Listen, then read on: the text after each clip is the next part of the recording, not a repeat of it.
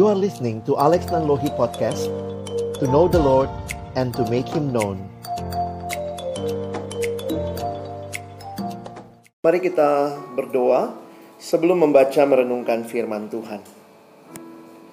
Kembali kami bersyukur malam hari ini Tuhan beri kesempatan bagi kami untuk bersekutu memuji memuliakan namamu dan tiba waktunya bagi kami untuk membuka firman-Mu ya Tuhan. Karena itu kami mohon ketika kami membuka firman-Mu Bukalah juga hati kami. Jadikanlah hati kami seperti tanah yang baik Supaya ketika benih firman Tuhan ditaburkan Boleh sungguh-sungguh berakar, bertumbuh Dan juga berbuah nyata di dalam kehidupan kami. Berkati baik hambamu yang menyampaikan Setiap kami yang mendengarkan Tuhan tolonglah kami semua agar kami bukan hanya menjadi pendengar-pendengar firman yang setia, tapi mampukan kami dengan kuasa dari rohmu yang kudus, kami dimampukan menjadi pelaku-pelaku firman-Mu di dalam kehidupan kami, secara khusus di dalam masa muda kami. Bersabdalah ya Tuhan, kami umatmu sedia mendengarnya. Di dalam satu nama yang kudus, nama yang berkuasa, nama Tuhan kami Yesus Kristus, kami menyerahkan pemberitaan firman-Mu. Amin. Shalom. Selamat malam teman-teman sekalian. Bersyukur malam hari ini sama-sama kita boleh bersekutu dan kita akan membuka bagian firman Tuhan yang menjadi perenungan kita malam ini di dalam Amsal. Kitab Amsal pasalnya yang kedua saya mengajak kita membaca seluruh ayatnya sampai ayat 22. Amsal 2 ayat 1 sampai ayatnya yang ke-22.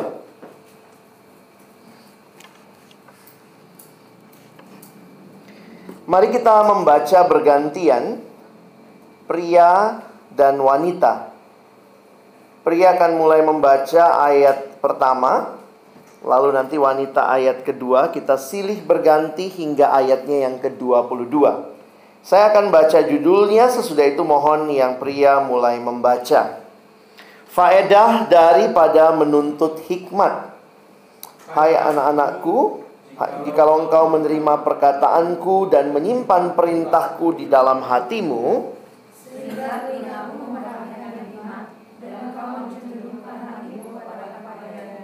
Ya, Jikalau engkau berseru kepada pengertian dan menunjukkan suaramu kepada kepandaian,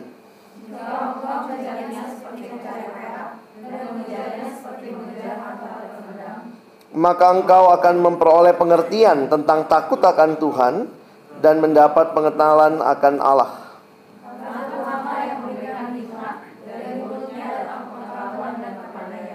Ia menyediakan pertolongan bagi orang yang jujur, menjadi perisai bagi orang yang tidak bercela lakunya.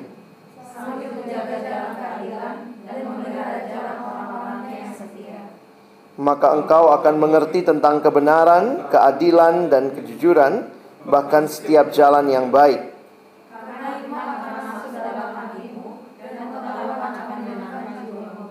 Kebijaksanaan akan memelihara engkau, kepandaian akan menjaga engkau.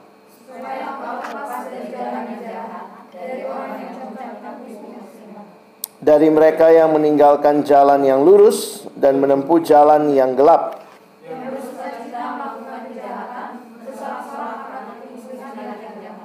Yang berliku-liku jalannya dan yang sesat perilakunya.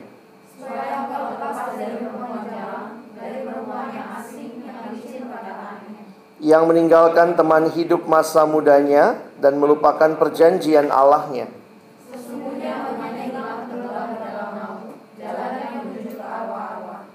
Segala orang yang punya tidak balik kembali dan tidak mencapai jalan kehidupan.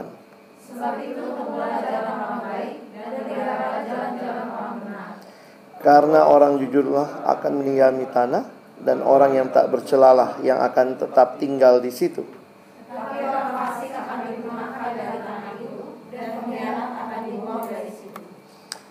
Baik, saudara yang dikasihi Tuhan, saya yakin kita pasti pernah baca Amsal. Coba ingat-ingat Amsal yang mana satu atau dua ayat yang jadi ayat favoritmu? Atau nggak tahu lagi, ya ada ayat di Amsal ya. Ayo, kalau bicara Amsal senengnya yang mana?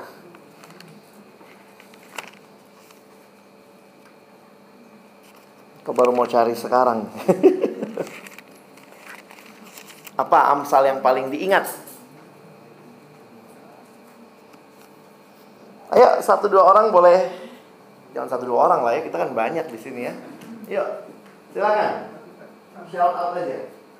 Amsal berapa? Satu tujuh. Amsal satu ayat tujuh bunyinya Takut akan Tuhan adalah permulaan pengetahuan. takut akan Tuhan adalah permulaan pengetahuan. Oke, ada lagi? Amsal berapa? Yang ingat? Jarang berkesan Amsal? Kalau satu dari Amsal bingung kali gitu ya. Apalagi? Kalau ulang tahun? Umur panjang di tangan kanannya, kekayaan dan hormat di tangan kirinya, ya. Apalagi? Percayalah kepada Tuhan dengan segenap hatimu. Itu Amsal berapa? Amsal 3. Cuman tahu nyanyinya ya. Itu 3 ayat 5 dan 6. Percayalah kepada Tuhan dengan segenap hatimu, jangan bersandar pada pengertianmu sendiri. Amsal berapa lagi? Ada yang tahu? Hai pemalas, belajar sama semut. Ada apa lagi? Amsal 17 ayat 17. Apa itu? Ini menurut saudara-saudara. Seorang sahabat menaruh kasih setiap waktu dan jadi sahabat di dalam kesukaran. Apa lagi? Itu banyak loh, 31. Istri yang bijak melebihi melebihi suami.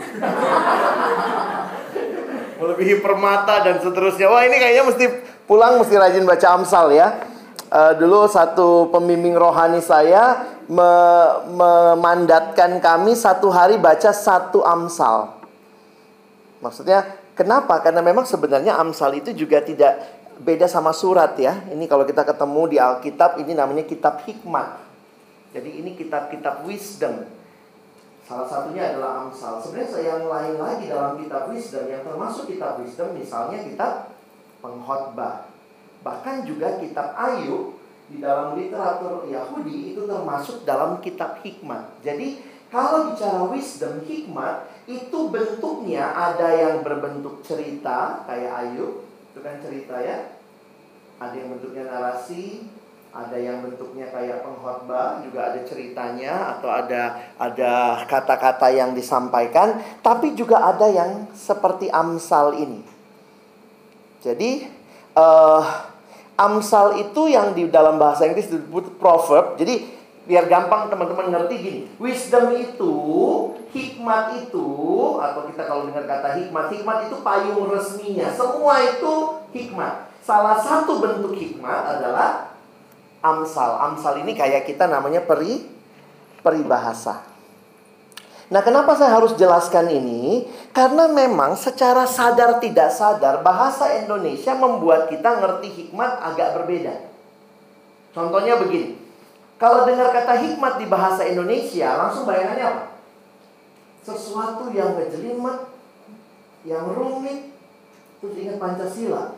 Dalam uh, hikmat permusyawaratan perwakilan. Jadi when we talk about wisdom, somehow bahasa Indonesia memberikan kepada kita pemahaman sesuatu yang sangat abstrak, rumit, konsep. Oke? Okay?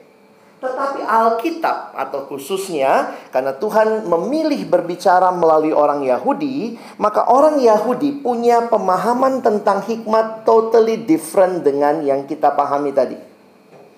Ternyata di dalam hal hikmat, hikmat itu adalah sesuatu hal yang praktis. Orang Yahudi itu hikmat bukan konsep, tetapi hikmat itu practical living. Jadi, kenapa ada kitab hikmat? Ada misalnya di Amsal bilang begini, jangan terlalu sering pergi ke rumah tetanggamu. Nanti bosen dia. Ada tuh ajaran kayak begitu. Jadi jangan berpikir hikmat itu bicara tentang uh, dialah Allah yang tersembunyi segala macam. Tidak, hikmat itu bicara practical daily life. Nah, tapi karena ini hikmatnya firman Tuhan, maka dikonek, dihubungkan hikmat itu, how should then you live your life di dalam terang kamu umat Allah. Jadi wisdom itu very practical. Makanya kalau kalian baca, ini Amsal ini kan praktis banget ya. Nggak sedang bicara konsep yang ngejelimet, beda sama Paulus. Waktu dia ngomong tentang predestinasi, dia ngomong tentang hal-hal yang begitu rumit, ngejelimet. Hikmat bicaranya sederhana. Perkataan yang tepat seperti ping apel emas di pinggan perak. Dia lagi ngajarin tuh. Jadi ada apel emas di atas baki perak. Itu perkataan yang tepat. Menarik ya, gambaran-gambarnya sangat praktis. Makanya dalam hidup sehari-hari belajar ngomong. Gimana caranya ngomong sama teman kita yang saya, ih lu jelek banget ya. Mungkin pelan pelan nih, lu nggak secantik biasanya ya. Nah itu kan perkataan yang tepat, waktu yang tepat, cara yang tepat itu yang diajarin di kitab hikmat. Jadi kalau teman-teman hari ini kita belajar bagaimana memperoleh hikmat, tapi saya agak takut kita tidak ngerti apa itu hikmat. Karena kita pikir hikmat itu ngejelimet, sesuatu yang dipikirin rumit. Tapi hikmat itu adalah sesuatu yang practical daily life. Karena itu ada kitab Amsal. Amsal bicara tentang orang mabok. Ada tuh. Orang mabuk dia lihat semuanya goyang. Ada tuh. Hati-hati jangan main sama pelacur, ada perempuan jalan. Jadi ini gambaran-gambaran yang dari hidup sehari-hari penulis kitab Amsal berusaha menarik hikmat, tetapi memang yang jadi pengertiannya begini. Hampir semua budaya-budaya kuno yang tua, termasuk Chinese, punya proverb, punya hikmat kitab atau amsal-amsal hikmat seperti ini. Saya senang juga tuh ya kumpulin kalimat-kalimatnya si Lause gitu ya. Itu kan bagus-bagus tuh ya. Tapi pertanyaannya apa bedanya sama firman Tuhan? Nanti kita akan lihat sama-sama ya. Misalnya ada juga kalau yang uh, Chinese proverb bilang begini. Perjalanan seribu mil dimulai dari langkah pertama, first step. Itu kan dari Chinese proverb. Jadi kadang-kadang kalau kita pikir ada African proverb. If you want to go fast, go alone.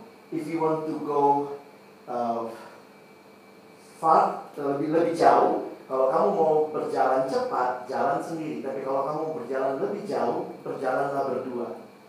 Ini menarik tuh untuk kita komunitas gitu ya. Itu bisa kita aplikasikan. Jadi yang menarik adalah hikmat-hikmat yang ada di dalam dunia ini ada satu buku pernah nulis segala hikmat adalah hikmatnya Allah.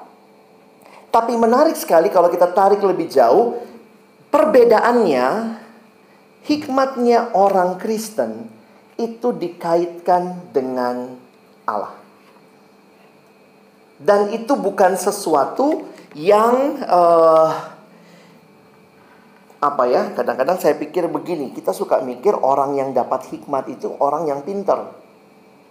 Tapi ternyata bukan itu. Jadi yang Salomo minta dari Tuhan bukan kepintaran. Kadang-kadang kita suka doanya begitu ya. Kasih kepintaran supaya di sekolah ranking satu. Tapi banyak orang teorinya ngelotok. Hidup sehari-harinya awkward. Pernah gak ada teman kayak gitu ya? Gila pinter banget. Tapi ternyata social skillnya rendah banget. Manggil guru, eh lu mau ini nggak pak? Saya pernah diundang ke satu sekolah untuk bawain komunikasi karena anaknya pintar-pintar tapi nggak tahu address orang lain. Gurunya dipanggil elu gitu. Tiba-tiba muridnya gini, Pak, Pak, mau ke ruang guru ya? Titip dong tugas saya. Kurang ajar gitu ya. Jadi akhirnya saya diundang jadi pembicara bukan bahas firman. Pak, tolong ajarin anak-anak tata krama. Jadi waktu bicara skill, life skill, saya melihat bahwa ternyata Alkitab very apa ya menyeluruh lah Alkitab kita bicara juga bagaimana kita punya practical wisdom dalam hidup sehari-hari. Nah, dari perspektif itulah kalau kita lihat maka karena ini bentuknya amsal, bentuknya sedikit puitis, maka wisdom digambarkan dengan banyak ilustrasi. Contohnya kalau kalian baca Amsal 1, coba lihat ya, misalnya hikmat dipersonifikasi pasal 1 ayat 20. Ini contoh aja kalau kalian tertarik baca kitab Amsal, coba nanti baca ya. Pelajari. Coba lihat. Dipersonifikasi hikmat itu kan bukan sesuatu benda hidup. Tiba-tiba dia bilang ini, hikmat berseru nyaring di jalan-jalan. Di lapangan-lapangan ia memperdengarkan suaranya. Di atas tembok-tembok ia berseru-seru. Di depan pintu-pintu gerbang kota ia mengucapkan kata-katanya. Apa kata-katanya yang dibawanya? Berapa lama lagi, hai orang yang tak berpengalaman, kamu masih cinta kepada keadaanmu itu? Pencemooh masih gemar kepada cemooh dan orang bebal benci kepada pengetahuan. Nah, kadang-kadang memang karena kita lihat hikmat itu seolah-olah pengetahuan, kita pikirnya orang yang berhikmat orang yang makin banyak pengetahuan. Enggak juga. Alkitab bicara bahwa ada orang-orang yang tidak berpengetahuan tetapi karena hidupnya dekat dengan Tuhan, dia tahu bagaimana harus hidup, dia tahu memilih jalan yang tepat, dia tahu bagaimana bersikap kepada orang tua, dia tahu bersikap kepada teman, itu orang yang berhikmat. Nah, jadi hari ini saya tidak meniadakan pengetahuan dari hikmat, tetapi hikmat lebih daripada sekedar pengetahuan. Nah, mari kita lihat sama-sama sesuai dengan tema kita malam hari ini bagaimana memperoleh hikmat itu. Ternyata waktu bicara bagaimana memperolehnya, Alkitab memberikan kepada kita sebuah paradoks. Saya kutip sebuah buku yang ditulis oleh Timothy Keller, dia mengatakan sering kali dalam Alkitab itu ada yang hal-hal yang paradoks. Saya kasih contoh begini. Paradoks itu beda sama kontradiksi. Kalau kontradiksi misalnya begini. Kalau ada dua fakta, A dan B. Kalau A benar dan kontradiksi, maka B pasti salah. Kalau B benar, maka A pasti salah. Itu namanya kontradiksi. Tapi kalau paradoks ini begini. A benar, B benar, walaupun kelihatannya kontradiksi. Saya ulang ya. A benar, B benar, walaupun kelihatannya seolah-olah kontradiksi. Nah, di dalam Alkitab ada banyak hal-hal yang sifatnya kalau kita baca menyeluruh ternyata lebih paradoks. Contohnya, Tuhan Maha Tahu, ya atau ya? Ya ya, Tuhan Maha Tahu. Setuju? Setuju. Terus kemudian ada fakta lain, kita diminta berdoa kita diminta berdoa. Kadang-kadang kalau kontradiksi, kalau Tuhan tahu ngapain lu doa? Ya kan? Tuhan mau ke persekutuan pemuda ya Tuhan, saya doa nih, saya kasih tahu Tuhan yang nggak tahu nih, saya mau ke persekutuan pemuda loh. Sehingga kalau kita kontradiksi, kalau A benar, B pasti salah. Tapi ini bukan kontradiksi.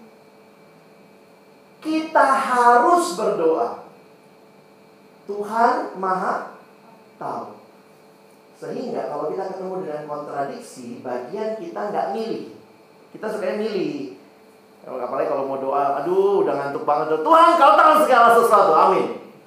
Tuhan bilang minta, cari, ketuk. Jadi kita mesti sungguh-sungguh berdoa dan pada saat yang sama kita sangat sadar Allah tahu. Dan ini bukan hal yang harus dipertentangkan. Gitu ya. Sehingga saya melihatnya mirip kayak rel kereta api. Rel kereta api kalau dia dua rel gitu ya, bukan monorail ya, kalau monorail cuma satu ya.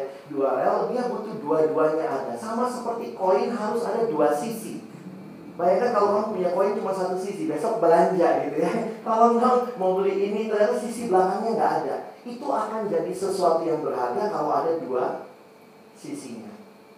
Nah, kenapa ini penting saya jelaskan? Karena memang pertanyaan tema kita malam ini dari ayat yang dibaca, kalau ditanya dari mana hikmat itu?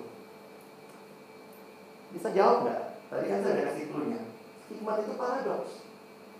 Jadi hikmat itu dari mana? Dari Tuhan atau dari usaha kita? Ya udah dua-duanya lah ya. Poinnya adalah kita lihat sama-sama ya ayat 1. Jadi nampaknya Amsal ini diberikan kepada orang muda. Raja Salomo kemungkinan besar dalam masa tuanya ada orang yang mengumpulkan koleksi-koleksi Amsal ini tidak semua ditulis Salomo.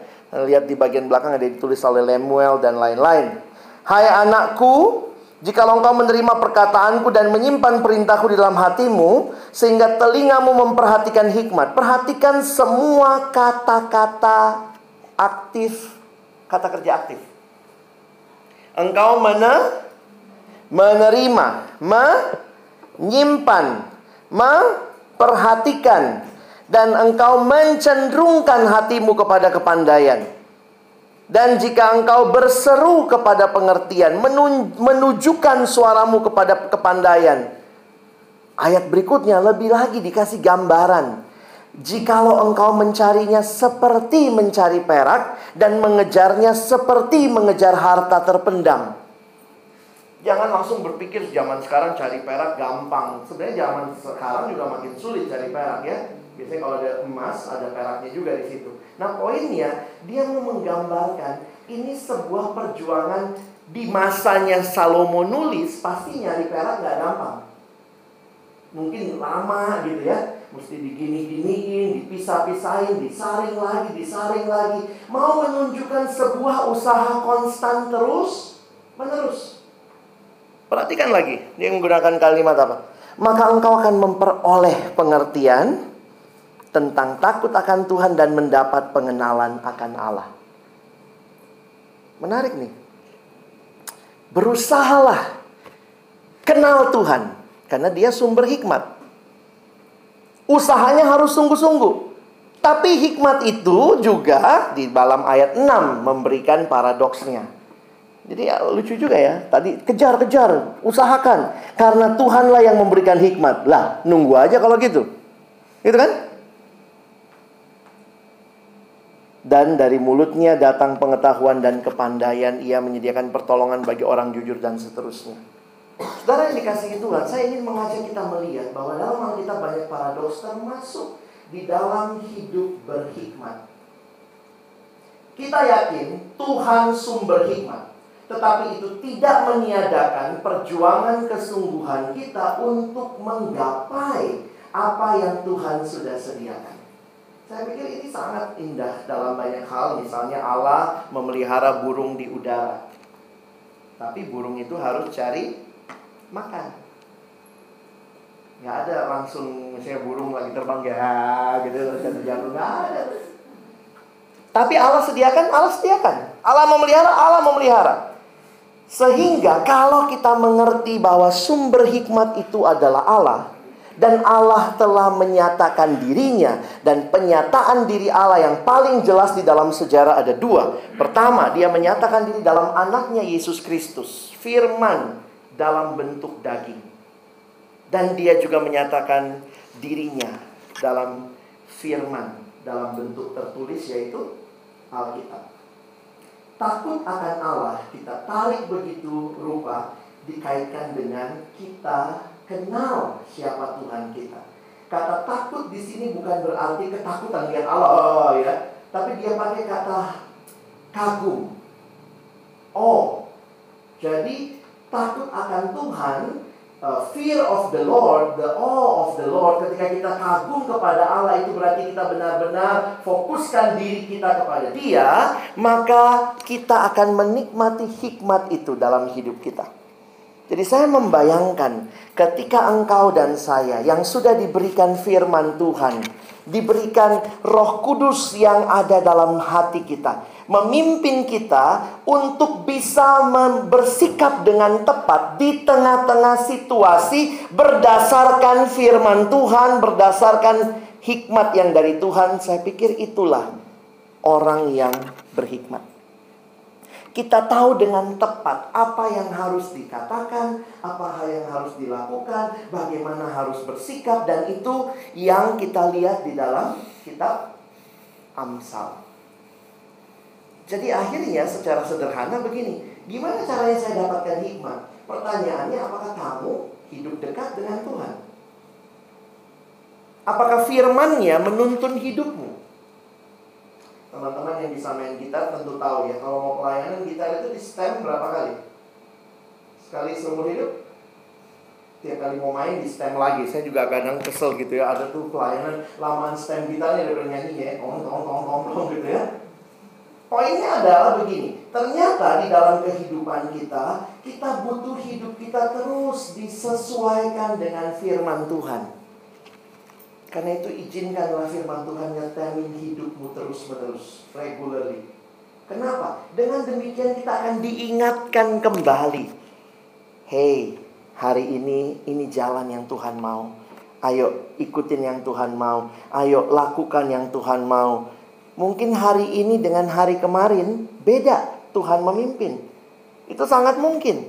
Kenapa? Makanya hikmat itu sering kali kita melihatnya Tuhan pimpin dalam situasi tertentu. Tidak selamanya sama. Tetapi orang yang berhikmat adalah orang yang bisa memutuskan apa yang terbaik di dalam relasinya dengan Tuhan untuk situasi yang terjadi pada saat itu secara praktis. Memang pasti ada prinsip umum ada. Tapi sering kali juga Tuhan izinkan pas dalam situasi ini mengucapkan kata-kata seperti ini, cara bersikapnya seperti ini, itu hikmat yang Tuhan berikan.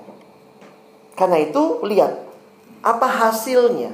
Orang yang hidup berhikmat dengan orang yang tidak mengikuti hikmat ya satu itu selalu di Alkitab disebut orang yang berhikmat, satu disebut orang bebal. Orang bebal, orang bodoh. Nah, kita lihat itu mulai dari ayat yang kesembilan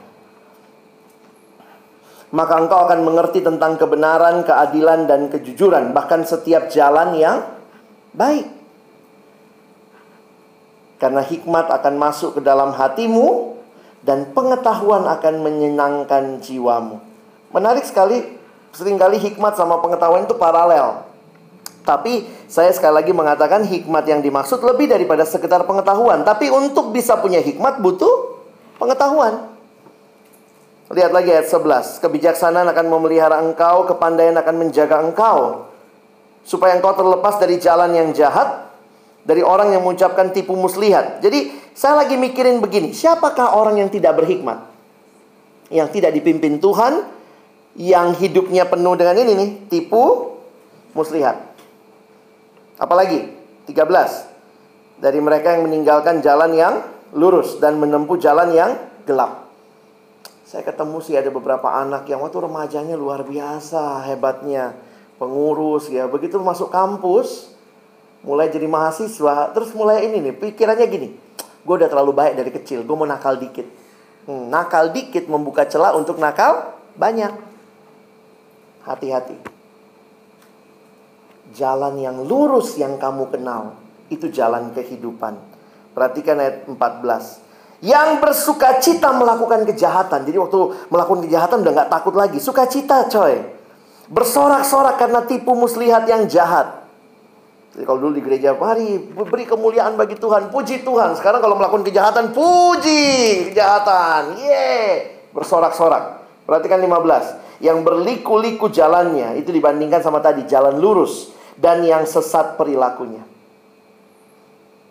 Supaya engkau terlepas dari perempuan jalang. Nah, sering kali ini hikmat bilangnya kalau selingkuh itu berpaling dari Tuhan digambarkan seperti pelacur, perempuan jalang dan perempuan asing yang licin perkataannya. Ya, sorry to say ya, pada zaman itu tuh pelacur menjajakan diri pakai omongan gitu ya. Ayo dong, ayo dong gitu ya. Jadi kalau kayak kita lihat pola pelacuran zaman itu pelacurnya tuh teriak-teriak menjajakan dirinya. Makanya itu merayu-rayu perempuan asing yang licin perkataannya, yang meninggalkan teman hidup masa mudanya. Jadi selingkuh dia dari istri atau suami yang asli dan melupakan. Nah, ini gambarannya, melupakan perjanjian Allahnya. Sesungguhnya rumahnya hilang tenggelam ke dalam maut jalannya menuju ke arwah-arwah. Ini semua gambaran kematian, teman-teman, yang tidak ikutin hikmat itu. Segala orang yang datang kepadanya tidak balik kembali dan tidak mencapai jalan kehidupan. Makanya muncul sebuah seruan. Sebab itu tempuhlah jalan orang baik dan peliharalah jalan-jalan orang benar. Karena orang jujurlah akan mendiami tanah dan orang yang tak bercelalah yang akan tetap tinggal di situ. Tetapi orang fasik akan dipunahkan dari tanah itu dan pengkhianat akan dibuang dari situ. Maksudnya apa? Secara sederhana saya simpulkannya begini. Kamu bisa hidup benar hanya kalau kamu takut akan Tuhan. Yang berarti kamu pegang perintahnya. Maka kamu bisa berhikmat memilih apa yang harus dipilih. Dan apa yang kamu pilih itu, itu jalan kehidupan. Sementara yang meninggalkan itu, meninggalkan Tuhan, tidak mau lagi dipimpin oleh Tuhan, jalanmu adalah jalan kematian. Teman-teman, balik lagi waktu saya mempelajari kitab Amsal, hidup itu kayak memang gak ada teorinya ya. Teorinya pokoknya satu aja, dekat sama Tuhan. Dan kadang-kadang Tuhan pimpin situasi hari ini begini, besok begitu. Kadang-kadang uh, apa ya? Tuhan memberikan tepat pada waktunya. Salah satu yang saya alami dalam pergumulan pribadi adalah ketika orang tua saya nggak ngerti pelayanan. Terus bagaimana waktu itu sebagai anak yang sudah dibina, sudah ikut pelayanan di gereja, ikut pelayanan waktu itu di sekolah saya, lalu kemudian dilarang, nggak boleh. Nah itu minta hikmat dari Tuhan bagaimana menghadapi orang tua. Pada saat yang sama tahu harus menghormati, tapi saat yang sama tahu bahwa orang tua juga bisa tidak tidak taat sama Tuhan. Oh nggak gampang tuh, itu pergumulan tuh. Nah di situ udah berdoa, doa sama Tuhan, baca Alkitab, dan saya ingat sekali ayat yang tadi e, dibaca. Saya nggak tahu e, waktu itu pemimpin kelompok kecil saya waktu saya masih SMA dia bilangnya begini. Itu diambil dari Mazmur 119. Kalau kamu baca firmanku, kamu lebih berhikmat bahkan daripada pengajar-pengajarmu. Wah itu buat anak SMA dapat ayat gitu kan kayaknya pede juga gitu ya. Jadi kalau papa mama saya nggak rajin baca Alkitab, saya baca Alkitab, saya bisa lebih berhikmat dari mereka. Cuma kan gimana caranya supaya menyampaikan dengan baik kan? Jadi di situ akhirnya belajar bicara dengan baik, belajar karena misalnya waktu itu saya bergumul banget teman-teman ya. Waktu saya udah bertobat terus papa saya masih begitulah. Zaman telepon waktu itu. Nanti kalau ada telepon bilang papa nggak ada ya. Ini gimana nih?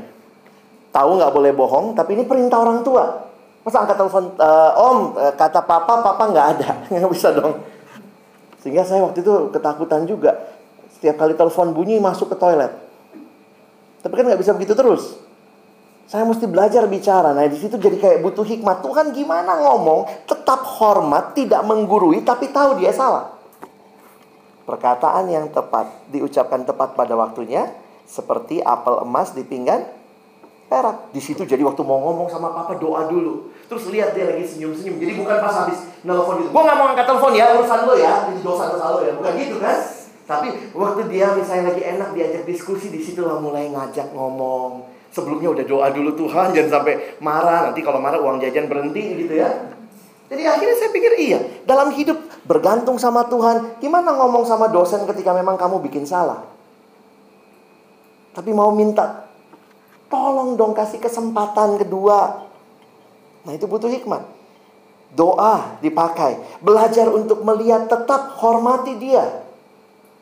Tapi juga belajar untuk menyampaikan apa yang kamu harapkan. Nah itu itu semua diajar di Amsal teman-teman. Makanya rajin baca kitab Amsal tuh sampai kepada ternak. Gimana memperlakukan ternakmu.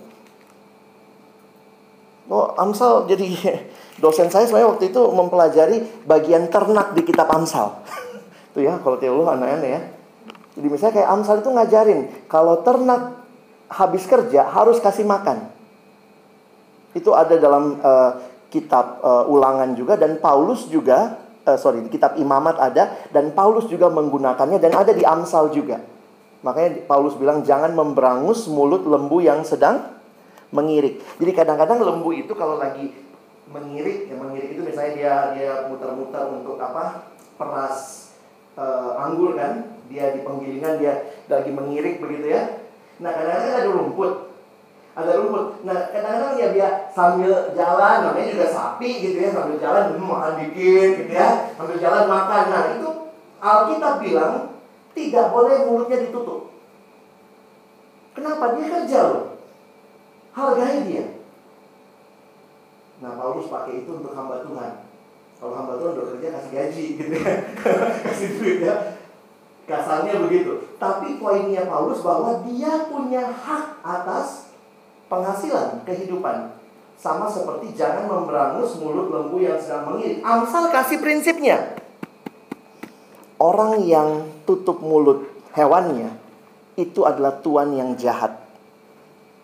Nah, memang ya kalau teman-teman baca kitab Amsal ini semua kumpulan-kumpulan practical daily life yang harus dilewati ketika kita dekat dengan Tuhan itu akan menolong kita mengambil keputusan yang tepat di dalam hidup sehari-hari. Saya harap setelah dengar ini kalian mulai terus berjuang ya.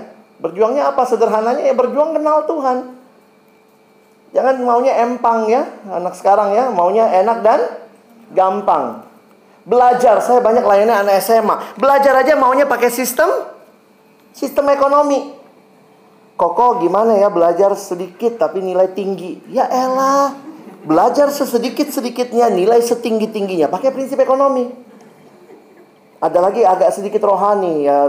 Kalau udah salah ujiannya segala macam doa itu Tuhan benar-benar gurunya buta. Uh, gitu ya. Kasih nilai sembarangan ya ampun. Jadi maunya gitu enak dan gampang. Sampai dibawa ke dalam hal rohani. Gimana caranya kok? Saya bisa tahu kehendak Tuhan. Ada yang datang anak remaja gitu ya. Gimana kok saya tahu kehendak Tuhan saya bilang ya udah kau baca Alkitab rajin nggak nah itulah kok masalahnya kagak mau baca Alkitab berharap Tuhan nyatakan jalannya Tuhan sudah nyatakan jalannya, kamu baca nggak?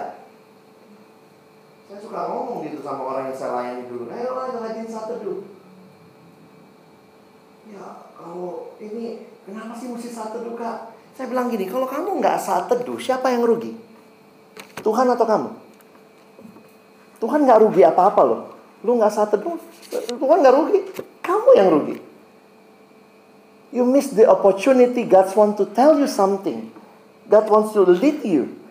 Dan itu yang sering kali banyak orang miss. Makanya saya bersyukur waktu pelajari tema malam ini. Betul hikmat itu dari Tuhan. Tapi secara paradoks hikmat itu membutuhkan juga kedisiplinan. Ketekunan. Carilah seperti cari perak. Jangan datang gereja on off. Kristen napas, Natal, Paskah tapi jadi Kristen yang rutin. Jangan takut sama hal rutin ya. Kadang-kadang orang takut, aduh kan kalau rutin, ntar kalau gue rajin banget di gereja, ntar gue jadi fanatik. Lah, hidup itu banyak hal yang rutin, bener nggak? Mandi rutin nggak? Ada yang belum mandi lagi nih. Iya kok, saya rutin kok. Rutinnya gimana ya? Setahun dua kali gitu kan? Hal yang rutin itu, rutin itu baik. Tapi rutin yang lebih baik lagi adalah ketika engkau memaknai yang rutin itu. Pagi bangun saat teduh. Baca Alkitab. Tapi capek nanti malam PA juga di gereja. Baca tiap pagi. Renungkan. Rutin, disiplin, cari. Karena Tuhan memberi dirinya ditemui. Nah ini saya harap kita boleh punya semangat seperti itu di dalam kerohanian kita. Ada yang bilang kita kadang-kadang tidak cukup seimbang antara mengejar yang yang dunia tawarkan dan apa yang ada dalam Alkitab. Sehingga ada seorang pendeta pernah bilang begini. Di dalam banyak hal, jemaat Tuhan mungkin sudah S2, S3, ya S1, S2, S3 dalam pendidikannya. Pendidikan sekuler, tapi dalam pengetahuan Alkitab banyak jemaat tetap TK. Saya pernah kebaktian pemuda di salah satu gereja ketepatan saya duduk waktu itu jadi jemaat. Mari kita buka dari waktu itu pokoknya kitabnya agak susah lah, Mika atau Habakuk begitu ya. Pemuda di samping saya sampai selesai khotbah nggak ketemu Habakuk di mana. Apalagi Alkitabnya kebetulan nggak pakai indeks kan? Nggak pakai indeks, saya udah mau ngasih Alkitab saya. Maksudnya saya udah buka kan bisa tukeran nih, udah kebuka nih Cuma dia lebih tua dari saya, saya baru kenal, ntar dia malu. Tapi dia terus berusaha mencari. Sampai pendetanya amin, kagak nemu. Apalagi tapi cuma nyelipkan tiga pasal gitu ya. Wah iya juga ya. Kalau untuk hidup di dunia ini kita begitu berjuang waktu bikin skripsi, begitu berjuang bikin paper kita. Ingat loh, untuk hidup benar, jalan kehidupan harus takut akan Tuhan. Tuhan nyatakan lewat firman. Seserius itu nggak kita dengan firman Tuhan? Dengan kerohanian kita. Jangan jadi orang yang punya kerohanian masa lalu. Ih dulu waktu gua remaja, uh rajin banget. Tapi itu dulu. Suka gitu ya. Apalagi yang tua-tua juga bisa begitu diumumkan. Dulu waktu saya di remaja, oh saya paling rajin dulu gitu ya. Nah sekarang gimana om? gimana tante? Kerohanian bukan masa lalu. Amsal hari ini mengingatkan. Tuhan sediakan hikmah. Tuhan sudah kasih firmannya untuk menolong kita hidup berhikmat dan kiranya kita berjuang sungguh-sungguh supaya jalan hidupmu adalah jalan kehidupan. Setiap keputusan yang kau buat orang bisa melihat beda nih. Ini anak bergumul dengan Tuhan. Amin. Mari kita berdoa. Kiranya malam ini kami boleh pulang dengan kerinduan yang dalam untuk benar-benar mengenal Tuhan lebih dan lebih lagi. Bukan sekedar pengetahuan yang membuat kami merasa tahu segala hal, atau pengetahuan supaya kami menang Bible quiz, quiz Alkitab. Tetapi pengetahuan yang kami butuhkan untuk hidup kami hari demi hari. Bagaimana bersikap di dalam pekerjaan, bagaimana bersikap di dalam pergaulan, bagaimana bersikap ketika berhadapan dengan masalah-masalah hidup, bagaimana kami bersikap bahkan kepada ternak sekalipun. Dan terima kasih Tuhan bahwa firman-Mu menuntun seluruh hidup kami. Dan biarlah kami punya waktu menyisihkan waktu setiap hari membaca merenungkan firman-Mu berjuang mencarinya seperti mencari perak.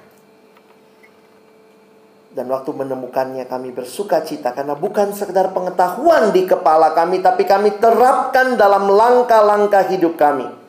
Sehingga orang boleh melihat biarlah mereka melihat Allah yang memimpin kami Doa menjadi satu respon rutin kami. Karena setiap langkah kami adalah langkah iman yang di dalamnya kami mau terus berserah, bersandar kepada Tuhan, termasuk di dalam doa-doa kami. Tuhan masa muda ini banyak sekali jalan-jalan yang ditawarkan. Bahkan jalan-jalan yang menyimpang sekalipun. Jalan-jalan yang tadinya begitu mengerikan tetapi sekarang orang bersuka cita bahkan bersorak-sorak di jalan-jalan yang salah itu. Biarlah kami mau seperti apa yang dinyatakan. Kami memilih jalan hikmat Allah. Mungkin jalan kami kelihatan bodoh, kolot, jadul, nggak gaul. Tapi itu jalan kehidupan yang Tuhan memang sediakan bagi kami. Sekali lagi terima kasih buat firman-Mu dan juga kami bersyukur karena pada akhirnya kami menyadari puncak dari hikmat Allah adalah Yesus Kristus. Engkau adalah hikmat Allah yang datang ke dalam dunia. Sehingga hikmat bagi kami bukan sekedar konsep, bukan juga sekedar praktikal, tapi lebih jauh lagi. Itu hadir di dalam pribadi Yesus Our wisdom, Christian wisdom, is a person in Jesus Christ. Tuhan tolong kami meneladani Engkau, hidup makin mirip dengan Kristus. Hari demi hari kami berhikmat ketika kami makin selaras dengan Yesus, Sang Hikmat Allah. Tuhan tolong kami bukan cuma jadi pendengar firman, tolong kami jadi pelaku firman dalam hidup kami. Dalam nama Yesus kami berdoa. Amin.